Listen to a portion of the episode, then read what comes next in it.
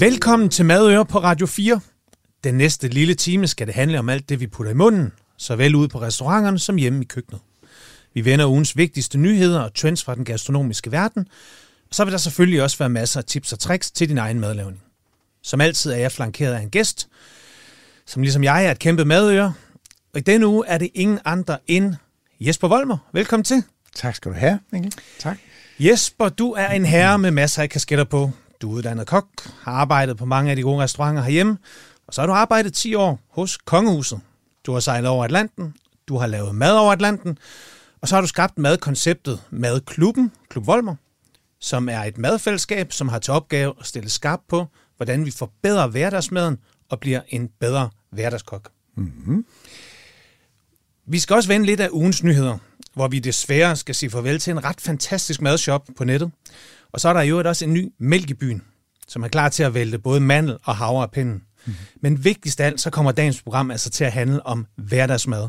Så lyt med de næste 50 minutter, så lover vi at løfte din hverdagsmad til et helt nyt niveau. Det her det er Madøre. Velkommen til. Jesper, jeg ved ikke, om jeg lover for meget, men hverdagen er jo alfa og omega for de fleste familier, og måltiden er bare der, hvor alt styrter i grus. Handler du, handler jeg, henter du, og den første sms sendes allerede omkring som klokken to. Hvad skal vi spise i dag? Og hvordan får man helt overordnet hverdagen og hverdagens måltider til at hænge sammen? Du er jo ekspert. ja, det, jeg tænkte, hvis jeg lige kunne, uh, kunne klare den for, for lytterne derude. Og det, det tror jeg faktisk lidt, jeg kan, for det er faktisk det, jeg har, jeg har lagt mig rigtig meget op af uh, efter min tid i, i restauranterne, som du selv uh, nævnte før, og så faktisk de 10 år i kongehuset, som jo holdt mig væk fra restaurationsscenen i lang tid. Og, øh, og da jeg ligesom skulle ud efter tiden ved, ved, ved hoffet, så tænker jeg, men hvad er det, jeg kommer ud med nu? Fordi når man er kok ved hoffet og køkkenchef derinde, så er jeg jo i virkeligheden bare øh, nogle hænder i køkkenet for, et, for, øh, for det ægtepar, der tilfældigvis var regentpar. Mm. Så, så jeg har jo været et værktøj i et køkken i 10 år. Så det har jo ikke været Jesper Volmer mad, men mere en husholdning med nogle store huse og nogle store fester. Og, øh, og når man kommer ud efter sådan en seance derinde på 10 år, så øh, er man jo blevet farvet af det, og man har jo netop ikke fulgt med på restaurationsscenen andet, end at jeg selv har været ude og, og spise og holde mig sure med, mm. men man er jo langt væk fra det, som ligesom rører sig. Og, og gastroscenen derude, og dit program også, er jo med til at sætte fokus på, hvad rører sig lige nu. Og hvis der er noget, man kan sige ikke foregår i kongehuset, så er det, hvad der rører sig lige nu. Så er det mere med, hvad kan vi godt lide? Hvordan har det altid været? Hvad traditioner er der? Hvordan gør vi det her? Øhm, samtidig med, at det selvfølgelig også er farvet af, hvad jeg kom med som, som, som kok. Mm. Og man kan sige, vores opgave i dag, os to, det er jo at se, om vi kan løfte det her hverdagsmad ja. til et nyt niveau. Vi skal ja. have brudt det ned.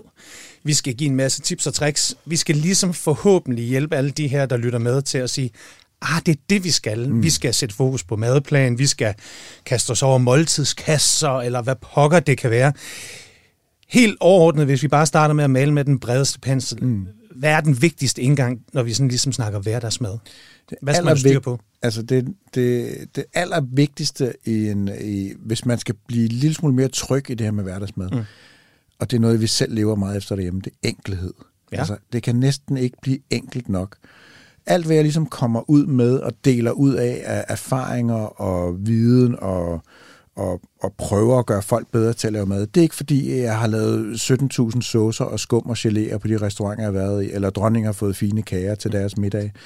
Det, det, det, der har jeg ligesom været, men jeg har taget det her med fra at have været i den her husholdning så længe, og kommer ud som, og har lavet hverdagsmad til, til regentparet så længe, og, og tænkt, jamen al den erfaring, jeg har fra køkkenerne øh, i restauranterne og hos dronningen, har jo kogt ned til, hvordan kan jeg gøre folk bedre hjemme på deres spækbræt hjemme i køkkenerne.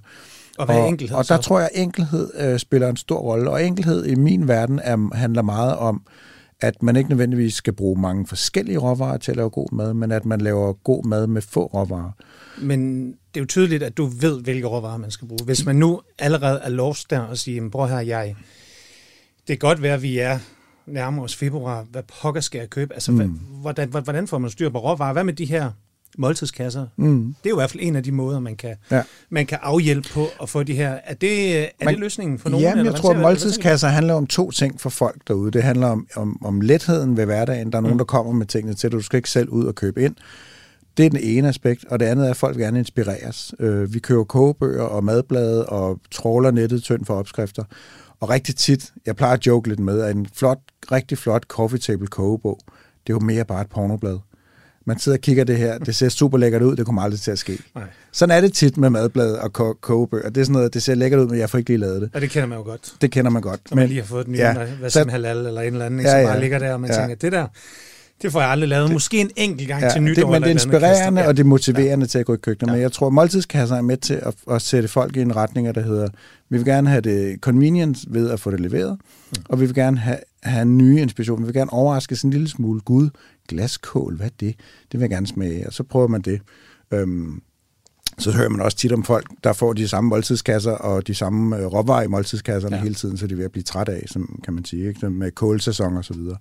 Øhm, men, men, øh, men det der med at ture lege med ingredienserne, og så tror jeg, at man skal huske også, at det med at udvide sit repertoire godt kan være uoverskueligt for mange. Der er mange, der har de der 6-7 øh, varer på, eller retter på repertoireet. Ja. Så kan vi det, og, og køre lidt i ring med det, og det er derfor, folk søger inspiration. Som måltidskasser udvider repertoireet, og det giver også en introduktion til, til øh, nogle nye råvarer, man måske ikke selv lige havde taget ned fra hylden nede i supermarkedet. Så hvor meget betyder sæson? Sæson betyder meget for mig. Sæson er der, hvor du får tingene i den... Øh, der, hvor de smager bedst, og, og hvor det bedst kan betale sig, og man kan lige så godt lege videre med det, øh, og holde fast i den øh, tankegang. Jeg ved mm. godt, det er irriterende, for du kan få alt i dag, når du går i supermarkedet.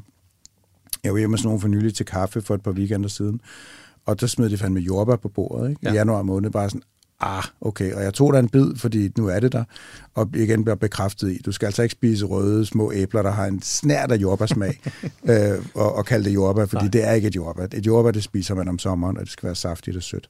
Så, så, øhm, så, så det skal man vente sig til. Men, men danskerne skal også lære det. Danskerne har ikke været særlig gode til at at acceptere, at der er nogle højsæsoner for ting, fordi du kan få mango og alle mulige eksotiske frugter nede i supermarkedet, og folk har købt dem og, og har vendet sig til, om det er nok sådan, det skal smage. Nej, det er det ikke, øh, fordi man kan, hvis man rammer det på det bedste tidspunkt, så kan man godt smage, okay, det er sådan, at det skal være. Øhm, så hvis man, hvis man vender sig til at sige, jamen, lidt færre råvarer, mm. øh, udforske dem lidt mere, leg med det. Det var det, jeg fik med fra kongehuset, hvis man skal nævne det igen. Det der med, at en af præmisserne var jo, at vi spiser kun de ting, der er i sæson.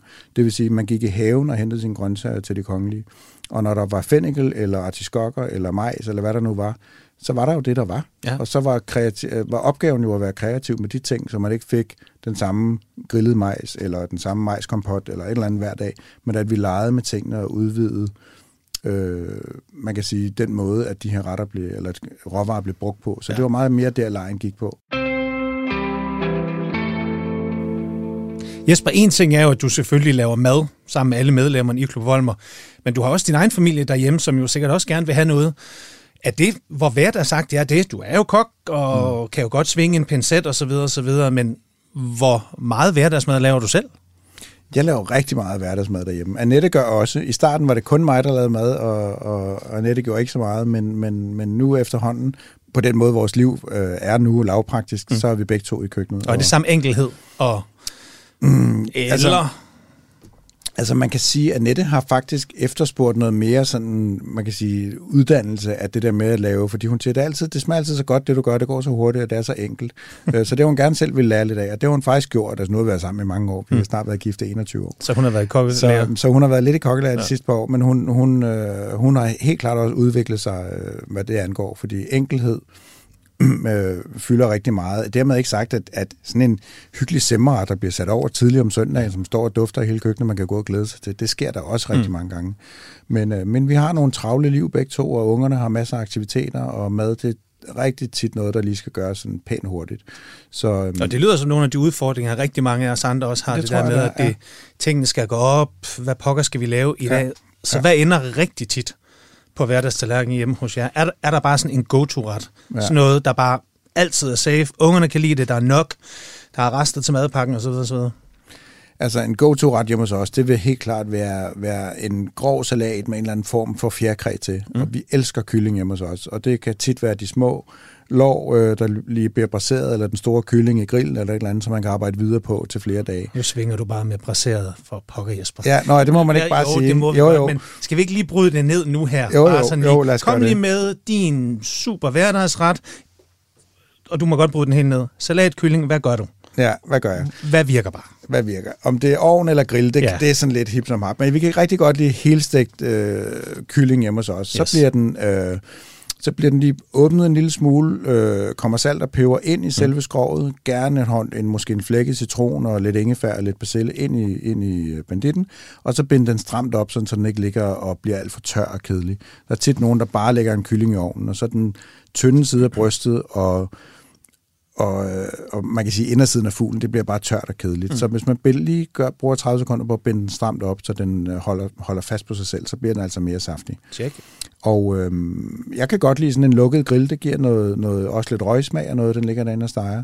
Så, øh, så fuld smæk på den indirekte grillning af den, så der ikke er varme lige under, Ja. men kun i siderne. Men, øh, men helt stegt fugl, øh, som jo skal have en god time, time og kvarter.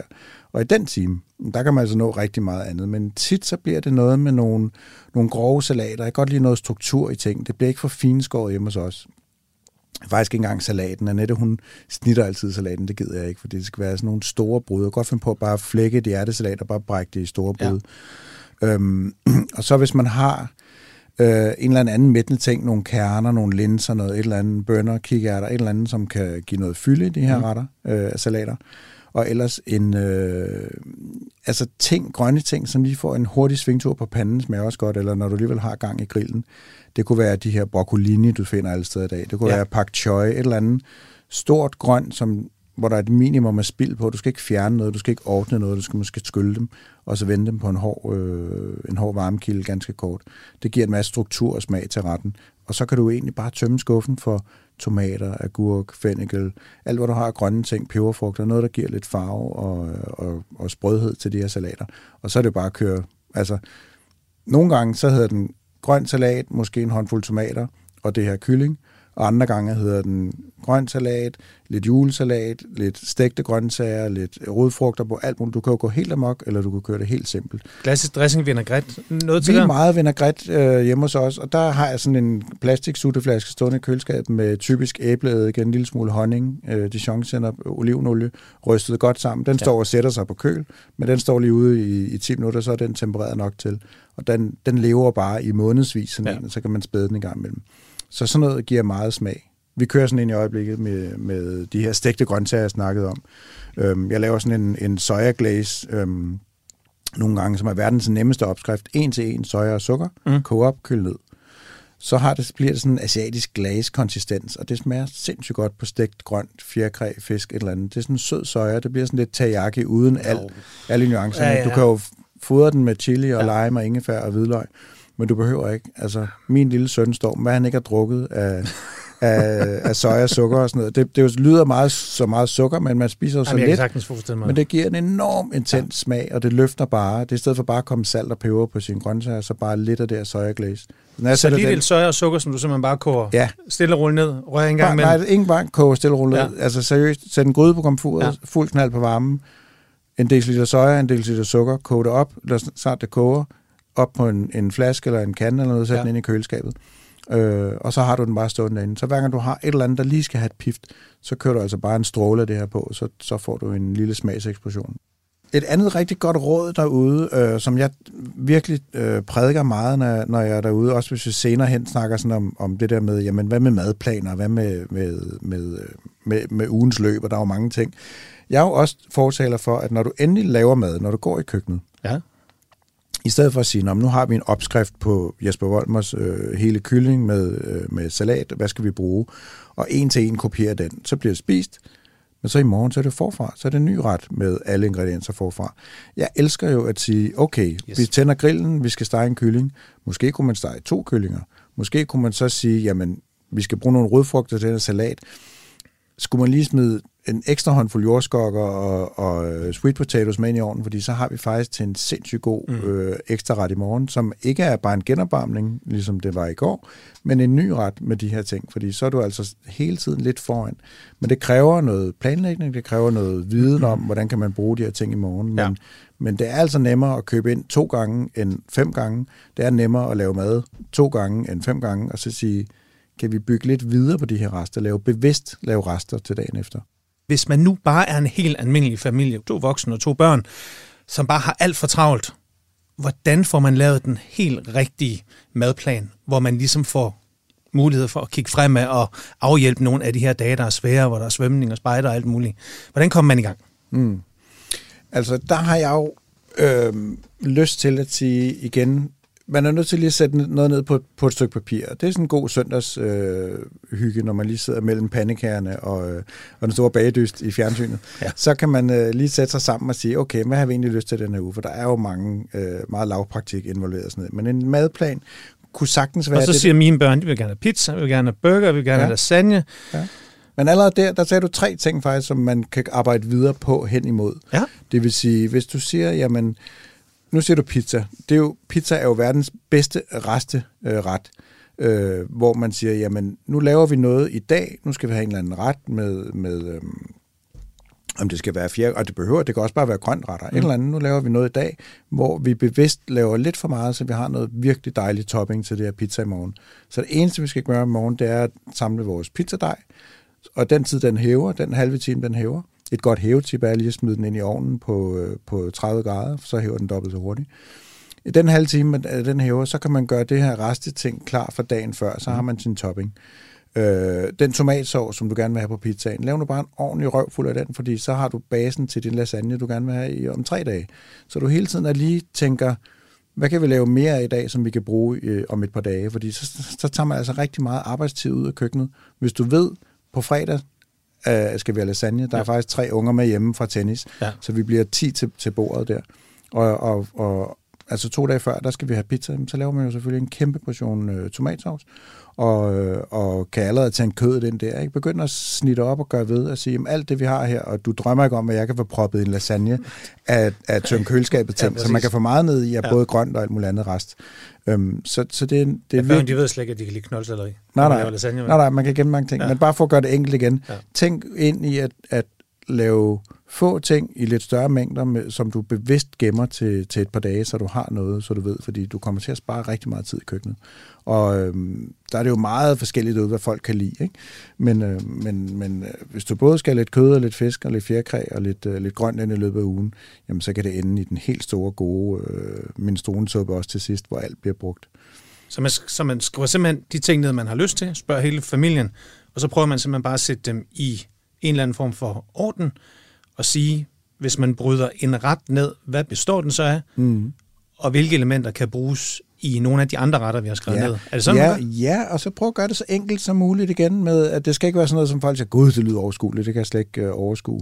Men hvis man siger, jamen hvis vi tager tre hovedmåltider, lad os sige mandag, onsdag og fredag, mm. og de andre dage, det bliver nogen, hvor vi shuffler lidt og bygger lidt på de rester, der nu er. Øhm, og vi kan, lave, vi kan lave bevidste rester. Vi kan sige, jamen, jeg vil rigtig gerne have en, øh, en øh, lad os bare sige, vi nu har vi ikke så meget tid. Det, vi er nødt til at have lidt kold mad på, på, på tirsdag. Der er alle sporten i gang. Jamen, så er det måske der, hvor vi sætter os ned med, med pizzabrødene, med alt fyldet fra i går, fra alt det, vi ikke fik spist der. Og sådan noget. Så man tænker de her rester ind i de kommende dage. Det kan altså skåne noget. Det kan give meget ekstra tid i køkkenet. Ja.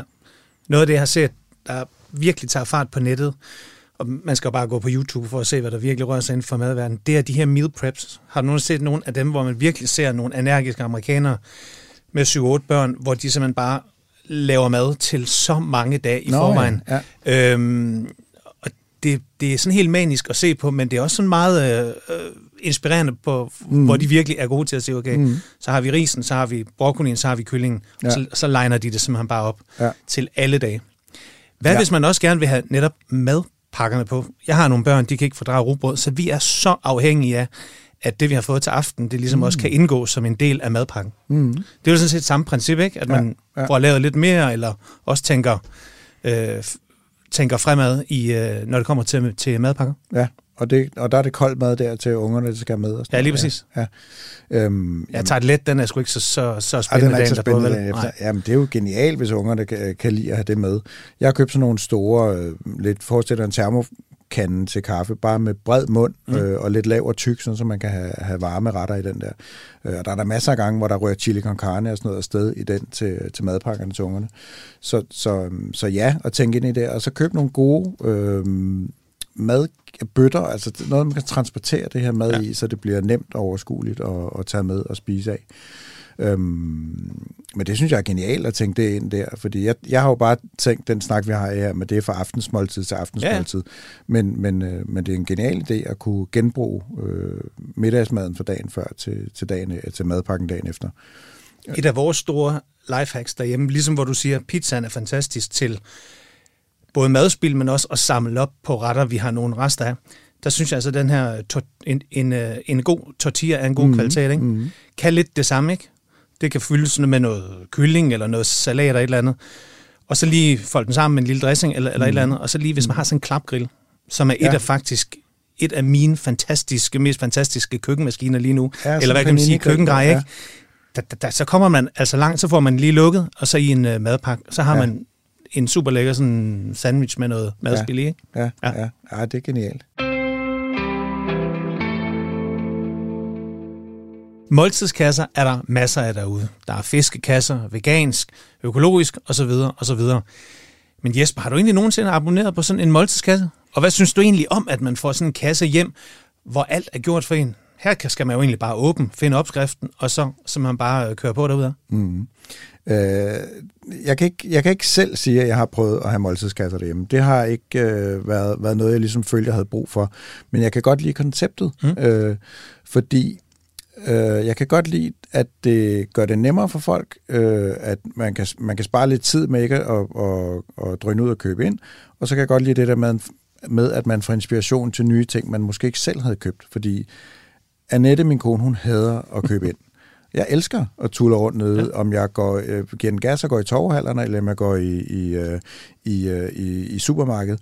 Jeg kan egentlig godt lide at gå rundt og, og snolle lidt dernede, fordi det er blevet inspireret af at finde ting, jeg har fået lyst til at pille og røre ved, og tage ned i kurven og gå hjem og lave mm. noget mad med. Og den misser man jo ved en måltidskasse. Der misser du det der impulskøb. Men der får du andre til at gøre det for dig. Der er der nogen, der, der siger, du skal lige prøve det her... Øh, det her, den her nye øh, mærkelige rådfrugt, som ingen kender, den skal vi lige have introduceret til danskerne, så den kommer med i kassen. Mm. Og så kan man på den måde blive introduceret til den. Så jeg kan godt lide øh, den del ved det, at man, man kan få åbnet sin, øh, sin horisont. Men kan måltidskassen være første skridt? Kan det være der, hvor man bliver øh, inspireret til måske på et tidspunkt og selv gå ud og handle ind? Altså, kan måltidskassen lære os noget? Og... Det kan den. Ja. Måltidskassen kan give os inspiration til at, at lære nye, øh, selvfølgelig retter og tilberedningsmetoder at kende, men også til nye øh, råvarer.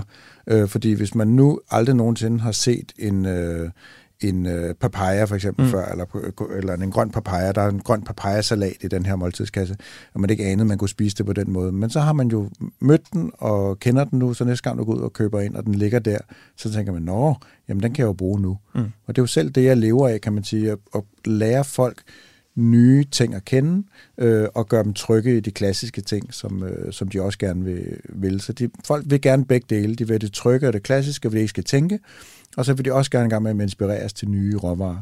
Så det er jo, hvis man kan ramme noget, begge dele, det er jo det, måltidskasser kan. Det kan give noget sikkerhed og noget tryghed, og, noget, øh, og, og udvide folks horisonter. Så måltidskassen lander hjemme på køkkenbordet, så er det jo selvfølgelig bare at gå i gang for at åbne den her. Men en ting er jo selvfølgelig, at der er en instruktion med på papir. Men derfra til ligesom at finde ud af, hvordan gør jeg, og så videre, og så videre, og så videre. Der er trods alt også et stykke vej, Jesper. Mm. Så hvordan får vi bedre kokke, bedre madlavere ud af at bestille en måltidskasse? Jamen, det er klart, der, der, det kræver også noget, øh, når det er nye råvarer, folk ikke kender, øh, eller nye tilberedningsmetoder, mm. så kræver det en instruktion, og det kan godt være svært at læse sig til. Det er jo faktisk derfor, jeg har lavet det, jeg gør nu med min klub, som er så video, altså det er jo videoopskrifter, vi har i Klub Bolmer. Det er jo det, der er, nu er også en meget, måske typisk for os mænd, at vi visuelt vil gerne se det for os, nogle jo. billeder og nogle film. Men det gør bare meget, at folk kan se, hvad det drejer sig om. Ja. Fordi sådan en ting som et, et, et, nu sagde du selv, nu sagde jeg brasere før, det er ikke alle, der ved det, men sådan en ting, et ord, et kokkeord som stegeskorpe, det kan man godt sådan visualisere, at det er nok noget med, at den skal have noget bruning. Men der er så stor forskel på stegeskorpe. Hvad betyder stegeskorpe? Ja. Og øh, kan man stege en bøf i smør? Og så, alle de der ting. Der er så mange detaljer. Og der, der kan jeg jo bare se med mine film, når folk siger, nå gud, skal panden være så varm, ja. og du er først til olie, og så lidt smør med, med lav varme, og sådan og sådan. Så det der med at vise folk det, for et er at læse sig til det, og et andet er at se det, det betyder rigtig, rigtig meget. Så, men jeg kan jo ikke, øh, vi kan jo ikke bare håbe på, at alle, der leverer måltidskasser, også laver videofilm, så passer til. Men igen, det der med, at når man modtager noget, man ikke kender, som man skal lære at kende, øh, give sig selv den ro og den tid til lige at dykke ned i at sige, okay, det er jo faktisk kun én gang, jeg skal sætte mig ned og, og fokusere på det her, så mm. kan jeg det jo, og så kommer der nye ting øh, senere. Så det der med at give sig selv plads til og lov til at lære nye ting, øh, det, skal man, det skal man jo også lige give i den her sammenhæng. Skal det være ekstra lækkert til hverdagen eller til weekenden, så var et fantastisk sted at handle hjemmesiden rigtigmad.dk desværre kom nyheden i den her uge, at den desværre var gået konkurs. Thomas Rodes hjertebarn, han havde ellers kæmpet for at få rigtig mange danskere til at prøve nye ting på lige at gå et step op, både i forhold når det handler om økologi og ekstra lækre råvarer. Især nogle af de spanske udskæringer, sortfodsgrisen, som altså var andet end bare skinke, var noget af det, som han virkelig havde på sin, øh, på sin side. Rigtig mad her. Jesper, hvad siger du til, at der ikke er plads til rigtigmad.dk? Hmm. Ja, det er synd, synes jeg. Jeg er ked af det på, på deres vegne, fordi det er jo igen det der med at få opdraget folk til øh, at vise dem nogle produkter, som ikke er gængse, som ikke er for alle nede på, på hylderne i supermarkedet. det er jo en måde at få introduceret folk til den her øh, ekstra gode kvalitet, og at man ikke kan få det til at løbe rundt, det er simpelthen så synd, fordi vi vi griner nogle gange af herhjemme, at går du på markedet i Frankrig og Spanien og mm. dernede, du har jo adgang til meget andet selv. Altså nu boede jeg selv i Sverige i 17 år. Der er jo meget mere udvalg derovre i, i supermarkedet. Ja. Ikke? Øhm, og, og vi er jo ikke særlig gode til at bruge vores, vores surtjente penge herhjemme i Danmark på råvarer. Øhm, desværre. så, så jeg tror også, det spiller ind med sådan noget som, som, øh, som rigtig mad. Og det var skide ærgerligt, fordi der var jo virkelig, øh, det var en virkelig god kamp, de kæmpede for mm. at få os til at spise, øh, eller i hvert fald til at se nogle nye skønne produkter. Ja, det, det, det, er, ærgerligt. det er så ærgerligt det her med, at når folk virkelig skal bruge penge på gode råvarer, det er faktisk egentlig kun til nytår, ikke? Mm. hvor man virkelig ser, at folk går amok, og der kan det faktisk ikke blive dyrt nok med trøfler og foie og alt, hvad det hedder, ikke også? Ja. Øhm, hvad skal der til for, at vi får danskerne til at bruge lidt ekstra penge på, øh, på gode råvarer? Altså, jeg, jeg talte med rigtig mange af stadeholderne ude i torvehallerne her under corona, fordi mm. øh, det var jo rigtig godt for os øh, danskere herhjemme. Vi blev bænket derhjemme, vi kunne ikke komme ud. Nu nævner jeg lige dem, fordi det er et sted, med, ja. som har fokus på kvalitetsprodukter. Og fælles for alle stadeholderne derinde var, at folk har mere tid. Øh, du ved selv, surdej var noget af det helt store, for alle skulle bage lige pludselig med surdej, fordi de havde tid til. Men de kunne heller ikke rigtig bruge deres penge på alt det, de plejede at rende klatten på, så lige pludselig havde folk flere penge mellem hænderne, de har ikke så meget øh, at gøre med dem, mm. øh, og de skulle noget at spise, så folk begyndte at købe rigtig godt ind. De købte øh, væsentligt dyre råvarer, end de plejede. Bedre vine. Bedre vine, ja. fordi de godt tog, de tog, tog godt at fordybe sig lidt og gå i køkkenet og sige, okay, nu køber vi det her. Det kunne corona også. Det, det gode at høre i torvehallerne, som jo så taler imod det her med rigtig mad, det var, at, at taler du med dem i dag derude, så er det faktisk lidt holdt ved, at ja. folk køber faktisk stadig gode råvarer. Øhm, så, så det er synd, at rigtig meget ikke kunne, kunne hænge ved. Men du kender det lidt fra tendensen der, hvis du selv du kan huske, jeg ved ikke, hvor mange år vi skal tilbage, før en kaffe, det var tit noget, man der stod på en eller anden kolbe og summede en eller anden øh, på et bord, øh, mm. og det blev rigtig sort og bittert og kedeligt. Og, men det var jo kaffe, så man drak det jo bare ned skudte. Mm. Og så begynder de her baristaer at, at melde sin ankomst, og man begynder at kunne få god kaffe, og når du først har smagt nogle gode, hvis du er til en fat white eller en god americano, et eller andet, som har noget, noget karakter, så går du altså ikke over bagefter og sutter på den, der, der er stået og boblet hele eftermiddagen. Så ved du godt bedre, og du går ikke tilbage. Og sådan tror jeg også, tendensen har været i, i det her med, med corona, og folk har fået mod på at dykke ned i nogle dyre overvejelser og finde ud af, nå okay, de videre spars, er der en sæson for, at de smager rigtig godt der. Du køber ikke videre spars nu for eksempel, som er helt rynkende og fra Peru. Så man finder ud af, at hvornår tingene er bedst, og hvor godt det kan smage, hvis du lige bruger de ekstra øh, den ekstra attention på det. Og så du tror ikke, vi falder tilbage i vores gamle jeg tror, Jeg tror ikke, vi falder tilbage. Selvfølgelig kommer der noget mere arbejde, ja. tid på arbejde, og, og igen, stressen kommer med, med fritidsaktiviteter, mm. vi skal det hele til at gå op. Men jeg tror, vi har lært bedre. Vi har lært nu, at, at gode råvarer koster penge, øh, og, og, og vi gerne vil, vil, vil ofre det på det. Jeg tror, vi er blevet bedre til det. Vi er slet, slet ikke i mål endnu, men vi er blevet bedre til det. Fordi jeg tror, det der med at kunne, kunne øh, nørde lidt og kunne, kunne dykke ned i ting, som, som har noget kvalitet, og finde noget, noget værdi i det, mm. det, det tror jeg ikke, så kommer man ikke rigtig tilbage. Der skal virkelig meget til, at man går tilbage fra, fra gode råvarer til dårlige råvarer, og fra god kaffe, kaffe til dårlig kaffe. Men hvad tror du så, der gik galt? Tror du, det var indpakningen på rigtig mad? Det her med, at man har en så stor topkok som Thomas Rode til at promovere det her. Bliver danskerne bange for det? Tænker man, okay, der står en kok, som jo virkelig mm. har øh, regeret og huseret på Kong Hans i så mange år, som ja. alle kender som måske noget af det ypperligste. Ja. Øhm, er det derfor, folk ikke tør det? Bliver det, bliver det for svært? Og er det en af de ting, som, som du lykkes mere med, det her med at blive måske lidt mere i øjenhøjde? Altså, jeg elsker jo Thomas, og han er jo sindssygt dygtig, og jeg ønsker ham alt det bedste, mm. og jeg er så ked af, at det her det ikke gik. Øh, og, og, og jeg skal ikke tale, tale ned i, i noget, men jeg har jo virkelig, som du selv siger, lagt, lagt mig i selen for at tale og undervise folk på mine, øh, i mine film her til at sige, jamen, øh, det, svære skal det heller ikke være, og du behøver ikke nødvendigvis at købe virkelig, virkelig dyrt ind for at lave go, øh, god mad. Så, så, så mange bliver måske skræmt af, at de, at de, øh, at de føler, at de, de skal købe det ind, ja. for at det bliver godt.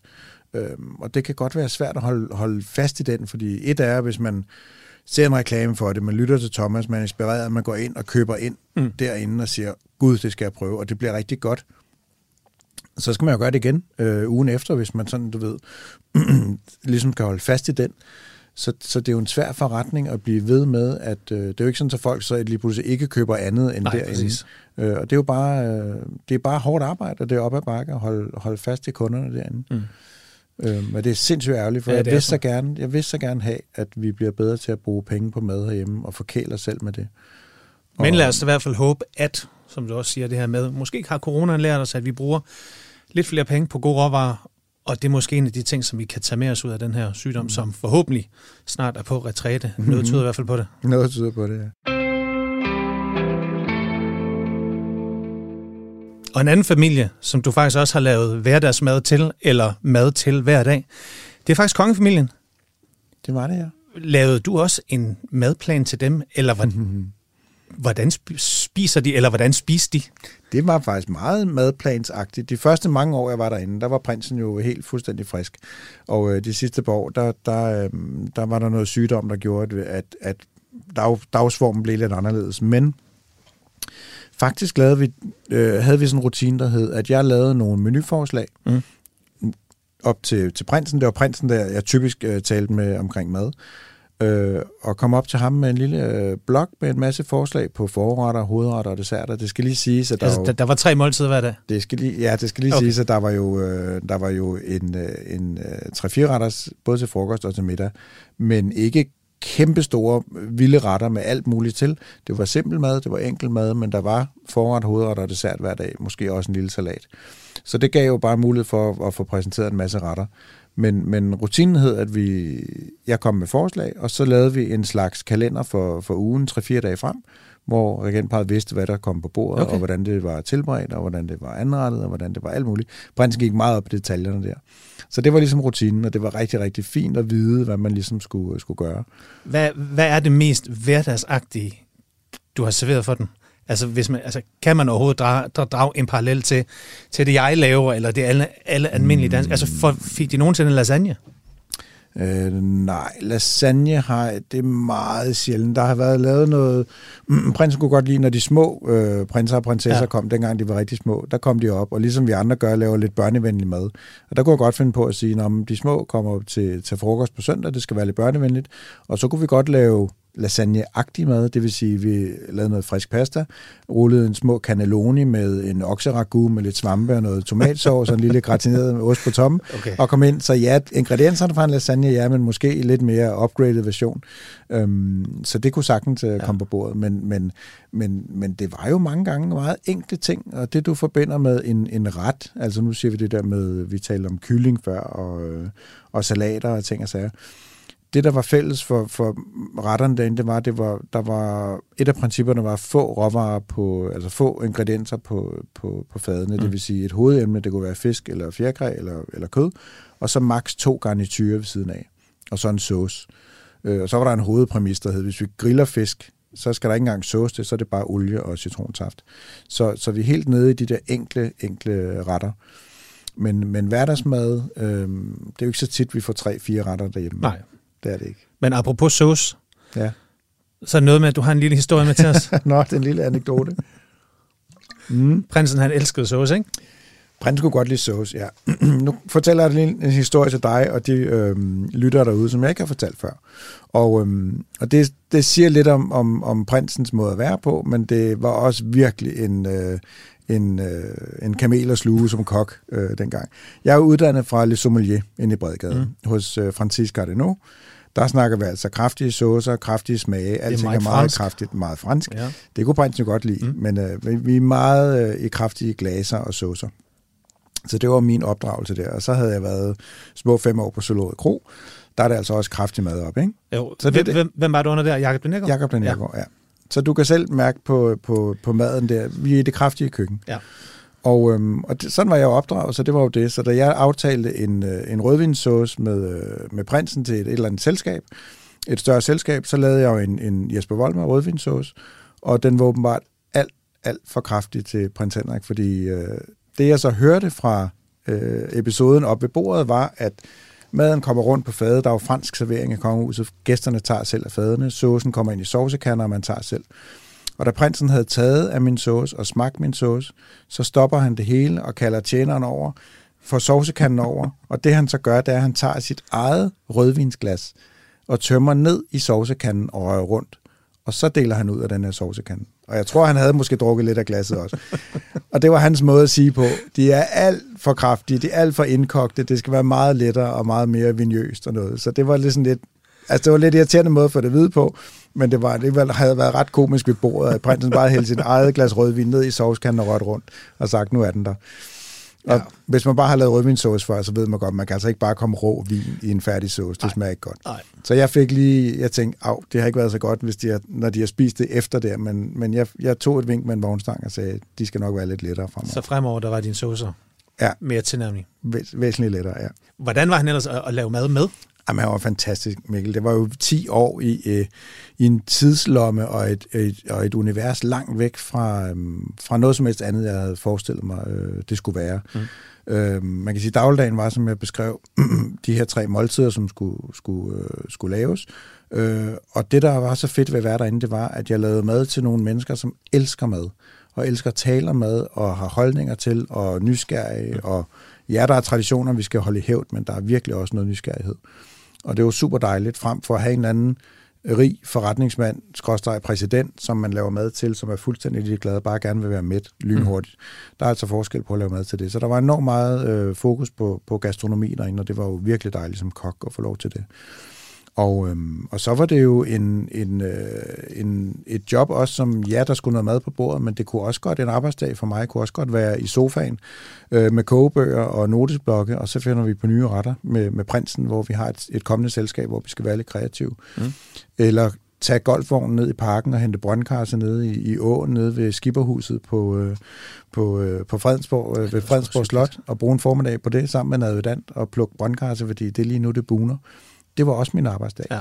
Så det var jo fuldstændig fantastisk øh, derinde, og han var bare sjov at have med i køkkenet. Man kunne godt se, at der var lidt en gang imellem lidt hands-on, som han måske ikke havde så meget øh, rutine i, øh, men han vidste jo rigtig meget omkring mad og havde ja. mange holdninger, men vi kunne godt nogle gange clinche lidt og være sådan lidt uenige om tingene. Men igen, jeg var hans hænder i køkkenet, jeg skulle bare gøre, hvad han gerne ville, samtidig med, at han gerne ville inspireres. Men jeg fandt hurtigt ud af, at når vi laver mad sammen i køkkenet, så er det rigtig godt at have snittet ting, og have ordnet ting, og have det i skåle, så han bare skal være med til at samle det. Han skulle ikke have for mange skarpe knive i hænderne og, øh, og arbejde med det på den måde. Det fandt jeg hurtigt ud af. Men var det altid ham, der havde vetoretten? Fordi der er nogle... Altid. Okay, Altid. fordi der er nogle, ja. der er nogle ikoniske programmer, hofretter, hvor man netop ser ham gå ind i køkkenet og bare sige, mere rosmarin. Ja, ja, Hvor man jo som kok og, og som fagperson jo sagtens kan sige, ja. ja, det er jeg ikke Eller hvad? Ja, præcis. Jo, jo, men Så det, det, var bare det. ja tak, og så kom det var jo det. Vi var jo, øh, han var jo, man kan sige, min, min, min chef, eller min, Mm. min kunde i gå- gåseøjne, Ja. som hver dag egentlig havde, havde vetoret. Han skulle fortælle mig, hvordan, han- hvordan han gerne ville spise. Og jeg plejer lidt at fortælle det derude, bare sådan et helt meget nemt billede at få inde i hovedet er, at at øh, med det der med at, at være uenige om tingene. Altså jeg kom jo som sagt fra Søllerød Kro, hvor Ja. ja. en grøn asparges, den bliver altså nusset om og turneret, det vil sige, man fjerner den nederste del af det yderste skal, så man kan se en lille lys fod derinde. Man næpper de små trekantede sideblade af hele vejen op af aspargesen. Måske sonerer man hovedet lidt, så de er helt stramme. Alle er lige lange. De bliver damp, eller kogt i ultra kort tid i spil kogende vand med, med masser af salt, så de har et enormt flot farve og et flot knæk og bliver serveret, så det bare ligner en million. og en grøn asparges i prins Henriks køkken, ja. den er, måske brækker du enden af dernede, den lidt tredje ende, men ikke for meget, fordi det er jo, øh, så misser vi noget mad. Og den er fuldstændig skamkogt. Altså sådan vi mørke, armigrøn og lidt travlet og noget. Det er sådan en meget klassisk gammeldags måde med de grø- grøntsager der. De må gerne være rigtig kogte. Nå, Så da jeg serverede mine første mange grønne asparges, alt for lyse, alt for spændstige, alt for ukogte der, så var der jo ballade. Når jeg ramte den der, det der helt slaskede, mørkegrønne bund grønne asparges, der næsten skal løftes med både ske og gaffel, så var han jo rigtig glad. Det vil sige, at jeg havde gjort mit arbejde godt, når jeg havde lavet dem på hans måde, frem på sådan, som jeg selv ville servere det for mine egne Ja, okay. gæster. Så det er, jo, det er jo det, man skal pakke sin stolthed væk i sådan et job og sige, okay, hvordan skal det være? Og når man rammer det, og han er rigtig glad, så har jeg Mm. gjort mit arbejde rigtig godt. fantastisk. Så dem var der mange af, at man lige skulle lure lidt, fordi et af, hvordan man selv ville gøre det, det er jo sådan, jeg altid ja. gør tingene, men når man skulle, øh, skulle lave ting, som man ikke helt selv, selv kunne stå indenfor, så var det altså svært nogle gange. Men han var glad. En sidste hverdagsingrediens, vi lige skal vende her, det er mælk. Noget, som de fleste danskere sværger til, noget, som kommer rigtig meget ned i indkøbskurven, når det bliver handlet stort ind til den store familie. Men der er nye boller på suppen, var jeg lige ved at sige. Der er en ny mælk i klassen, som virkelig presser sig på. Mm. Og øhm, vi kender selvfølgelig den almindelige komælk, så er der havremælk, rismælk, sojamælk. Men der er faktisk en ny mælk, som virkelig er ved at øh, vinde indtog, hvis man i hvert fald lytter på jungletrummerne og til forskerne. Kan du gætte, hvad det er? Det kan jeg ikke. Altså plantemælk øh, vinder jo ind, men, Ja. ja. øh, men jeg har ikke, øh, den nye fætter øh, har jeg ikke hørt om. Det er simpelthen en kartoffelmælk, Kartoffelmælk. som øh, skulle have de samme gode egenskaber. Derudover skulle den være god at skumme op, og så har den et betydeligt lavere CO2-aftryk. Hvad er dit forhold til mælk? Er du old school, klassisk komælk, eller er du også en af dem, der er skiftet over? Nu snakker talte vi også om kaffe før. Mm. Er du øh, klassik eller ny mælk? Jeg er nok lidt klassik, hvad det angår der, fordi øh, ja, jeg er jo fransk opdraget, som jeg snakkede om tidligere, med både øh, i, i restauranterne og i det job, jeg har haft. Så, så mælk, det har bare været sådan en selvfølgelighed derinde, mejeriprodukter og sådan noget, og, og fløde og smør og, og mælk, det har bare været der. Og, øh, og jeg har prøvet at danse lidt rundt med det der plantemælk i kaffen. Jeg synes, den er svær. Hvad med i madlavning? Øh, der har jeg gjort det, at jeg har nogle gange leget med, at, ja, at hvis nu, øh, bare tage et helt standard eller helt øh, straight eksempel, der var nogen, der købte dyr havremælk mm. til at komme på deres havregryn om morgenen. Hun, ja. hun drak den i kaffen og drak den på havregrynene. Og hun ville gerne have hjælp til et, øh, et billigere alternativ. Øh, hvor jeg tænkte, jamen hvorfor? Man kan jo lave øh, havremælk selv, mm. meget, meget simpelt. Man blender øh, med vand og havre og en lille smule, øh, en lille smule øh, vegetabilsk olie, og måske en snært salt, så blender man det her op, og så får du den her havremælk her, øh, som man kan sigte. Og det er jo fuldstændig vanvittigt at købe dyr, dyr havremælk for at komme den i havregryn, når du, når du kan lave et produkt, som du, hvis du, nu siger jeg bare, hvis du skal spise havregryn, ikke? Jo. Men, men ting, hvor du, kan, hvor du ikke ville kunne smage det til stedet. Jeg har prøvet at drikke havremælk i, i kaffen. Det bryder mig ikke om, om smagen, den der bismag af havre. Konsistensen kan heller ikke rigtig ramme og sådan noget. Så det, jeg, jeg har haft svært ved det. Men laver du retter, hvor du skal bruge noget, hvor du lige så godt selv kunne, øh, kunne lave et alternativ med de samme øh, ingredienser, jamen så gør der det. Men, øh, men jeg har altid været... Øh, jeg, har, jeg har prøvet at lege med det, men jeg har, synes ikke, jeg har ramt den til kaffen. Men du kan drikke kaffe på mange måder. Ja. Jeg elsker mælkekaffe, men jeg elsker også de små, øh, de små sorte kaffer. Men, men jeg har ikke ramt noget plantemælk, der kan gøre det for mig i kaffen. Men det er jo også vanvittigt i de her år, hvor mange glutenallergikere, der lige pludselig er blevet, og hvor mange ja. Laktoseintolerante. Ja. Altså, vi kan godt blive enige om, det her det er mode, ikke? Mm. Jo. Jamen, jeg ved det ikke. Jeg tror også, det der med mælk i kaffen, nu er jeg også gået fra, og for mange år, eller mange år siden, for noget tid siden, der kunne jeg godt køre den der store latte der, men nu er jeg alt for, for, for sensitiv i forhold til mængden der. Jeg bliver så tung og mæt, og synes, det er næsten ubehageligt at drikke sådan en, en stor, kæmpe kaffe latte på sødmælk. Mm. Øh, der vil jeg meget hellere give mig selv stadig måske på sødmælk eller letmælk, men køre den der måske en flat white eller helt ned i en, i en cortado. Tag de her små intense, fordi jeg synes, mængderne tit godt kan være dem, der, der stresser mig lidt, og bliver, hvor det bliver for meget, hvor man behøver ikke drikke en halv liter mælk for at drikke en kop kaffe. Man kan godt drikke en god kop kaffe øh, med mælk i, og så bare gøre det i væsentligt mindre mængder, så man ikke bliver så oppustet heller. Så jeg vil hellere have den rene, gode, lækre smag af komælk, som jeg godt kan lide, og så gøre det i, i mere begrænsede øh, mængder, frem for bare at køre sådan en halv liter mælk ned i, i svælget. Men sige, vi er vokset op med mælk. Hvorfor tror du, der er så mange, der fravælger mælk? Jamen, jeg tror også, det, det, er, det er jo også et spørgsmål om... om øh, livsstil? Livsstil, miljøbevidsthed, altså det der med, at man ved, hvor stor CO2-aftryk der er med, øh, med alt det, vi render og, og kaster i hovedet. Hvis man kan lave noget tåligt alternativ i form af at blende no, nogle, øh, nogle bælfrugter eller kornprodukter med, øh, med vand og få noget, der minder om noget, som, som øh, vil kræve et, en, en kæmpe forarbejdning øh, med, med kør og stalle og mm. transport osv. Så, videre. så jeg kan sagtens se meningen øh, med det, og sagtens se ideen i det.